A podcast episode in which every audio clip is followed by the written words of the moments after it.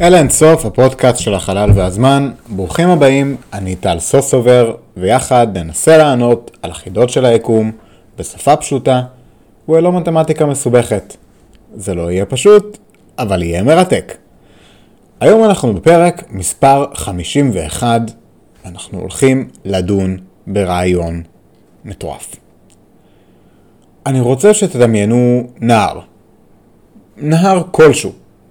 זה יכול להיות איזה נהר שאתם רוצים. אני רוצה שתדמיינו את הנהר הזה מתפתל, כמו נחש. נע מערב המאה מטר, פניית פרסה, מזרח המאה מטר, וכן הלאה. ככה תשע פעמים. אם תסתכלו על הנהר הזה מלמעלה, מה תראו? מגבוה מאוד, תראו את כל הנהר, את כל הנחש. אבל יש גובה מסוים בו תוכלו לראות את כל הגוף של הנהר, אבל לא תוכלו לראות את הפרסות עצמן. זה ייראה לכם כמו עשרה נהרות נפרדים. כל אחד מהם זורם לכיוון המנוגד של השני. האמת היא שמגובה כזה לא יהיה לכם מושג בכלל האם הנהר הזה הוא נהר אחד המתפתל תשע פעמים, או עשרה נהרות נפרדים. וגם אין לכם שום דרך לדעת, מבלי לעשות אינטראקציה כלשהי עם הנהר. אז האם זה נהר אחד או עשרה נהרות? אוקיי, יש לכם את האינטואיציה כעת. עכשיו בואו נדבר על היקום שלנו. לפעמים רעיונות מוזרים, כמו הנהר, יכולים להוביל למסקנה מטורפת. והמסקנה המטורפת של היום, ואני אומר אותה עוד לפני שהתחלנו את הפרק, היא שבכל היקום יש רק אלקטרון אחד. במקום לנוע ממזרח למערב ומערב למזרח, כמו הנהר, האלקטרון הזה נע אחורה וקדימה בזמן. ברוכים הבאים למכניקת הקוונטים, בה שום דבר לא הגיוני והכל מטורף לחלוטין. הסיפור שלנו מתחיל באביב של שנת 1940. הפיזיקאי ג'ון ווילר חשב על אלקטרונים, ומשהו נראה לו מוזר. למה שלכל האלקטרונים יהיה בדיוק את אותו המטען החשמלי ואת אותה המסה? הוא עלה על רעיון. מה אם כל האלקטרונים ביקום הם אותו האלקטרון? האלקטרון הזה נע אחורה וקדימה בזמן אין ספור פעמים, ועושה אינטראקציות עם עצמו בכל מעבר על פני עצמו. כשהאלקטרון נע אחורה בזמן, הוא פוזיטרון, האנטי חומר של האלקטרון, וכשהוא נע קדימה בזמן, הוא אלקטרון. טוב, זה, זה די מטורף. בואו ננסה לפרק את זה. אם ננסה לבטא את הפוזיטרון כאלקטרון הנע אחורה בזמן, מה נקבל? מסתבר שאם בונים את היצור הזה של הפוזיטרונים כאלקטרונים הנעים אחורה בזמן, מקבלים תוצאות מדהימות. זה בדיוק אותו התיאור. בואו נשלב את זה עם העובדה שאין לנו תשובה מספקת לשאלה למה לכל האלקטרונים ביקום יש בדיוק את אותן התכונות? זה כבר מתחיל להיראות חשוד. אם אלקטרונים מתנהגים כאילו הם זהים, אולי הם באמת זהים? אולי הם באמת אותה הישות? בואו נסתכל על אלקטרון. מה זה אלקטרון בעצם? אלקטרון הוא נקודה במרחב ללא גודל. מה זה אומר? זה אומר שאלקטרון הוא הסתברויות הזזות על פני המרחב והזמן, כפי שהגדרנו אותו בפרקים הקודמים. בעצם האלקטרון נקודה הזה לא קיים באמת. הוא סוג של תיאור למיקום מוגדר של פונקציית המרחב זמן של האלקטרון, אם נחתוך אותה בנקודה מסוימת. האלקטרון נע לאורך ציר הזמן, וגם קצת לאורך ציר המרחב. הוא נע לאורך ציר המרחב ומשתנה, לדוגמה כאשר הוא פוגש פוטון או פולט פוטון. מה אם היה אפשר להחזיר את האלקטרון אחורה בציר הזמן? כלומר לנוע אחורה בזמן, לפחות זמנית. אם האלקטרון יכול לנוע אחורה בזמן, הרי שהמרחב שלו הוא זיגזג כזה. בדיוק מה שאנחנו רואים בנהר כשאנחנו מסתכלים עליו מלמעלה. אנחנו רואים את החלקיקים הישרים של הזרם בנהר, אנחנו לא רואים את הפרסות. אנחנו רואים עשרה נהרות, אבל אם האלקטרון שלנו היה חוזר אחורה וקדימה בזמן 10 בחזקת 80 פעמים, הוא היה יכול להיראות כמו כל האלקטרונים ביקום. אוקיי, זה מטורף לגמרי, אבל תישארו איתי. האנלוגיה של הנהר עוזרת לנו עוד יותר. זוכרים את הנהר שהכיוון של הזרם שלו משתנה אחרי כל פנייה? גם לאלקטרון יש זרם. זרם חשמלי. וזה בדיוק מה שמשתנה גם בתיאור המתמטי שלנו. המטען החשמלי של האלקטרון תלוי בכיוון התנועה שלו. אם אלקטרון עם מטען שלילי נע שמאלה, הוא מייצר זרם חשמלי I. אם אלקטרון נע ימינה, הוא מייצר את אותו המטען I, אבל בכיוון שלילי, כלומר מינוס I. פוזיטרון עם מטען חיובי נע שמאלה, מייצר מטען מסוג מינוס I גם כן. על אותו משקל, פוזיטרון שנע ימינה מייצר מטען מסוג I. אז יש לנו את ההיפוך ב-I, אם אנחנו הופכים את האלקטרון לפוזיטרון, או משנים לו את הכיוון.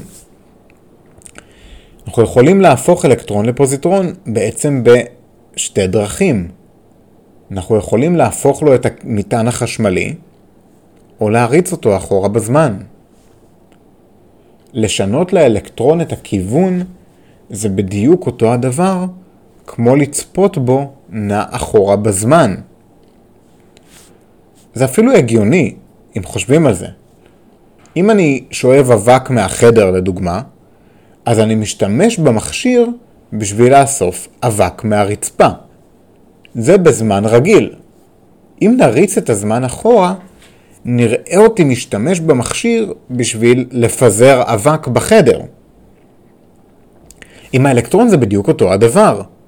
יש מטען מסוים לפיו הוא נע מ-A ל-B.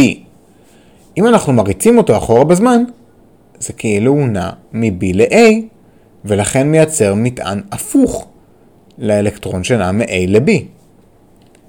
ברמה של אלקטרונים, הסימטריה הזו קיימת, והיא נכונה, סימטריית הזמן. אבל זה טיפה מסובך יותר. כל החלקיקים אמורים להיות סימטריים תחת הסימטריה CPT. C זה מטען חשמלי, וכאן יש לנו באמת היפוך מושלם. הפכנו את המטען, קיבלנו פוזיטרון. T זה כיוון הזמן, והסברנו גם שעקרונית אין לנו בעיה, יש לנו היפוך מושלם. אמרנו שזה לא משנה אם נעשה לאלקטרון C או T, נהפוך אותו בצ'ארג' או בטיים, נקבל את אותה תוצאה. P זה parity, זה דומה לתמונת המראה של החלקיק. אז יש כאן עניין. אם אנחנו עושים CPT על האלקטרון, אנחנו מקבלים שהוא חוזר בדיוק למצבו המקורי. בואו נסתכל על אלקטרון. מטען שלילי נע ממזרח למערב. אנחנו מתחילים עם C. נעביר אותו בסימטריית C, כלומר נשנה לו את המטען. הוא הופך לפוזיטרון שנע ממזרח למערב. היה לנו אלקטרון מזרח-מערב, שינינו לו את המטען החשמלי. פוזיטרון מזרח-מערב. עד כאן שום דבר מפתיע. נעשה לו P, parity. בעצם נשנה לו את הכיוון. תמונת מראה. אז עכשיו הפוזיטרון שלנו נע ממערב למזרח. זוכרים שאמרנו ש-T, אלקטרון ש-T הוא נע בכיוון T מ-A ל-B זה כמו פוזיטרון שנע מ-B ל-A? אז עכשיו יש לנו פוזיטרון שנע ממערב למזרח. נעשה לו סימטריה T, האחרונה מבין ה-CPT, והוא חוזר להיות אותו אלקטרון ממצב המוצא. אלקטרון הנע ממערב למזרח. שום דבר לא השתנה. יש לנו במקרה הזה שימור של סימטריית ה-CPT. אם לא היינו עושים לו המרה של T, time, אם לא היינו מחליפים לו את הזמן, אנחנו לא חוזרים לנקודת ההתחלה שלנו. זה אומר שסימטריית CP משאירה את האלקטרון שלנו עם כיוון זמן ומטען חשמלי הפוך. אלק... פוזיטרון שנע אחורה בזמן. אבל אם נעשה לו היפוך בזמן, הוא חוזר להיות מה שהיה קודם. המראת CP הופכת חומר לאנטי חומר במראה, ולכן המראת T עושה בדיוק אותו הדבר. ברמה הזו של הסימטריות, אנטי חומר הוא חומר רגיל שנע אחורה בזמן. זה מוזר מאוד, אבל אני, אני לא רוצה שתדמיינו את זה כמו הזמן שלנו. זה יותר כמו כיוון התנועה של פעולה מסוימת. שואב האבק שתיארתי קודם. התפשטות לעומת דחיסה. הכוונה לא להיפוך זמן היקום, אלא להיפוך זמן של מערכת פיזיקלית מוגדרת. בואו נגיד שאני מראה לכם סרטון של דבורים היוצאים מהכוורת. אין לכם דרך לדעת האם מדובר על דבורים היוצאות מהכוורת, שהוקרן בזמן רגיל, או דבורים החוזרות לכוורת, שהוקרן בזמן הפוך.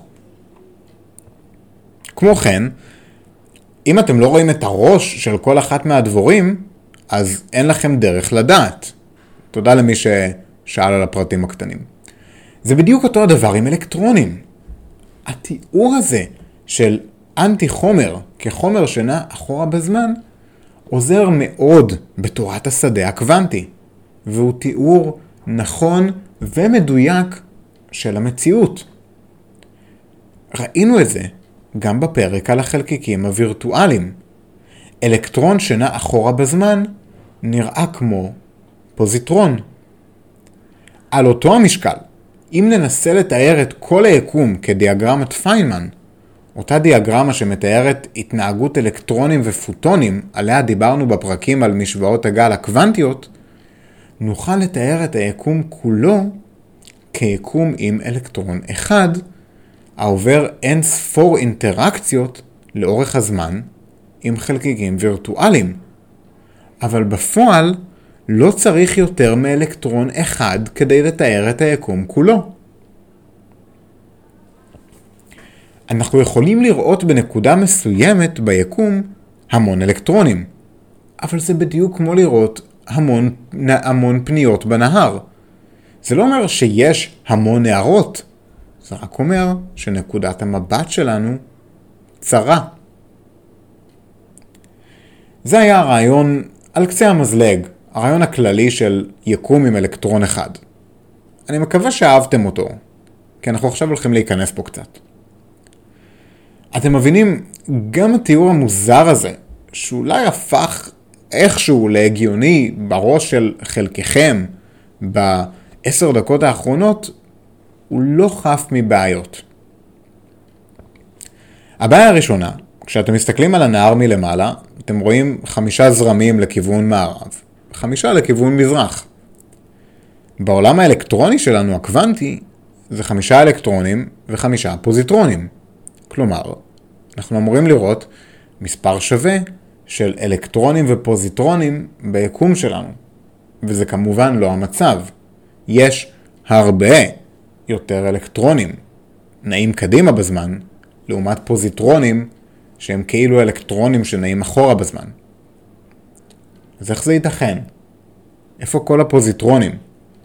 דיברנו על זה בפרק על האנטי חומר שעשינו אי שם, בפרק 16 אם אני זוכר נכון.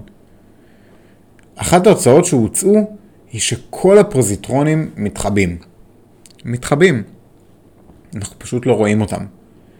אם נחזור לנהר, אנחנו רואים רק את הנהרות שזורמים ממזרח למערב, ולא ממערב למזרח, כי הנהרות ממערב למזרח עוברים מתחת לאדמה. זה יסביר למה אנחנו רואים רק את המזרח למערב. אז איך נמצא אותם? איפה אפשר לחפש? בואו נחשוב רגע. לאלקטרונים יש מטען חשמלי שלילי. לאיזה חלקיק שאנחנו מכירים יש מטען חשמלי חיובי? האמת היא שיש חלקיק אחד כזה, שהוא לא אנטי חומר. הפרוטון. לפרוטון יש מטען חשמלי חיובי. אז אולי כל הפוזיטרונים מוחבאים מתחת לאדמה בתוך הפרוטונים שבתוך הגרעין של האטום. מעניין, זה לא ברור, והאמת היא שהמחקר לא מספיק מתקדם כדי שיהיה המון מה להגיד על ההצהרה הזו. אולי הפיזיקה מאוד שונה ברמה הבסיסית. אנחנו יודעים שיש תהליכים מסוימים בהם חלקיקים תת-אטומיים משנים את הצורה שלהם. קווארקים יכולים להפוך לפוטונים, אלקטרונים, קווארקים אחרים, לנייטרינו, ועוד ועוד לכל מיני חלקיקים. אולי יש איזשהו מכניזם שמאפשר כליאה של פוזיטרונים בתוך גרעיני אטום בין הקווארקים עם הכוח הגרעיני החזק? אנחנו לא יודעים. אנחנו לא יודעים. אנחנו לא יודעים אפילו אם אפשר לבחון את זה, בסדר? עד כדי כך. אבל גם אם נניח שכן, עדיין ההצהרה הזו, לפיה כל האלקטרונים ביקום הם אותו האלקטרון שנע אחורה וקדימה בזמן, ושהוא נע אחורה בזמן הוא פוזיטרון, זו הצהרה מאוד שנויה במחלוקת, ושוב, לא ברור האם יש דרך לבחון אותה בכלל. ובכל מקרה, בכל מקרה, זה מאוד לא מקובל היום בקרב אף פיזיקאי להניח שיש רק אלקטרון אחד ביקום. זו אפילו לא הצהרה חזקה כמו שזה נשמע על פני השטח. ואני אסביר. לפי תורת השדה הקוונטי, אלקטרון הוא לא רק חלקיק עם מטען חשמלי, הוא גם, ובעיקר, וקודם כל, גל בשדה הקוונטי. זה לא נראה הגיוני במיוחד להניח שאלקטרון הוא כדורית קטנה הנושאת עליה תווית, כי הוא גל. גל לא אמור להיות מסומן עם תווית, כי גל הוא גל, ולא חלקיק. מה שנחמד בתיאוריה הזו של האלקטרון שנע קדימה ואחורה בזמן, היא שהיא פואטית. היא רומנטית. דמיינו שכל אלקטרון בתוך כל חלקיק שכל דבר שאתם מכירים, בגוף שלנו, בגוף של כולם, באוויר, בכל הכוכבים, בכל הגלקסיות, בכל היקום, הכל זה אותו החלקיק. זה הופך את כולנו למקושרים אחד לשני. זה הופך את כולנו, ברמה הבסיסית ביותר, לחלקיקים קטנים הנעים הלוך וחזור בזמן ובמרחב. זו מחשבה שלא תאמן. עכשיו, האם אפשר להרחיב את המודל הזה? בואו ננסה להרחיב אותו ולכלול גם יקום שיש בו רק נייטרון אחד, ורק פרוטון אחד. האם זה מחזיק מעמד? אז האמת היא שהתיאוריה הועלתה רק בהקשר של אלקטרונים. האלקטרונים הם הדוגמה, אבל עקרונית אפשר להרחיב תאורטית את המודל כך שיכלול את כל החלקיקים היסודיים. לפטונים, קווארקים, נייטרינו, כל הבוזונים, כל החלקיקים התת-אטומיים המוזרים האלו. שוב, מדובר על מודל תאורטי, ולכן קשה אפילו להתייחס אליו ברצינות יתרה. אבל התשובה היא שכמובן שבדמיון שלנו אנחנו יכולים להרחיב את הכל. וזה אמ-, אמיתי לחלוטין, בלי אותיות קטנות.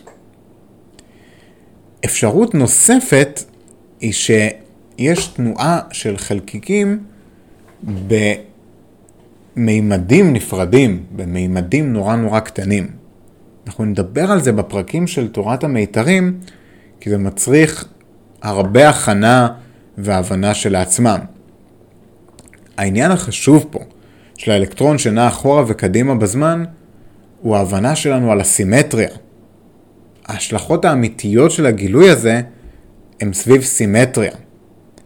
דיברנו על זה קצת. סימטריית CPT, Charge Parity Time, היא הבסיס לכל הרעיון הזה, ונראה שהיא נשמרת עם האלקטרון.